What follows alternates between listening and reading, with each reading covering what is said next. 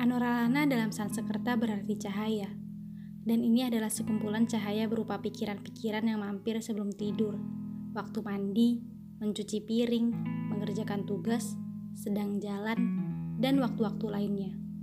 Sama halnya seperti cahaya, pikiran-pikiran ini tidak sepenuhnya milik semua orang.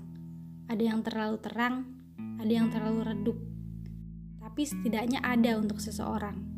Pikiran yang coba dibagi, kadang tidak rata, kadang terlalu liar, kadang terlalu sederhana, dan kadang tidak semua orang mendapatkannya.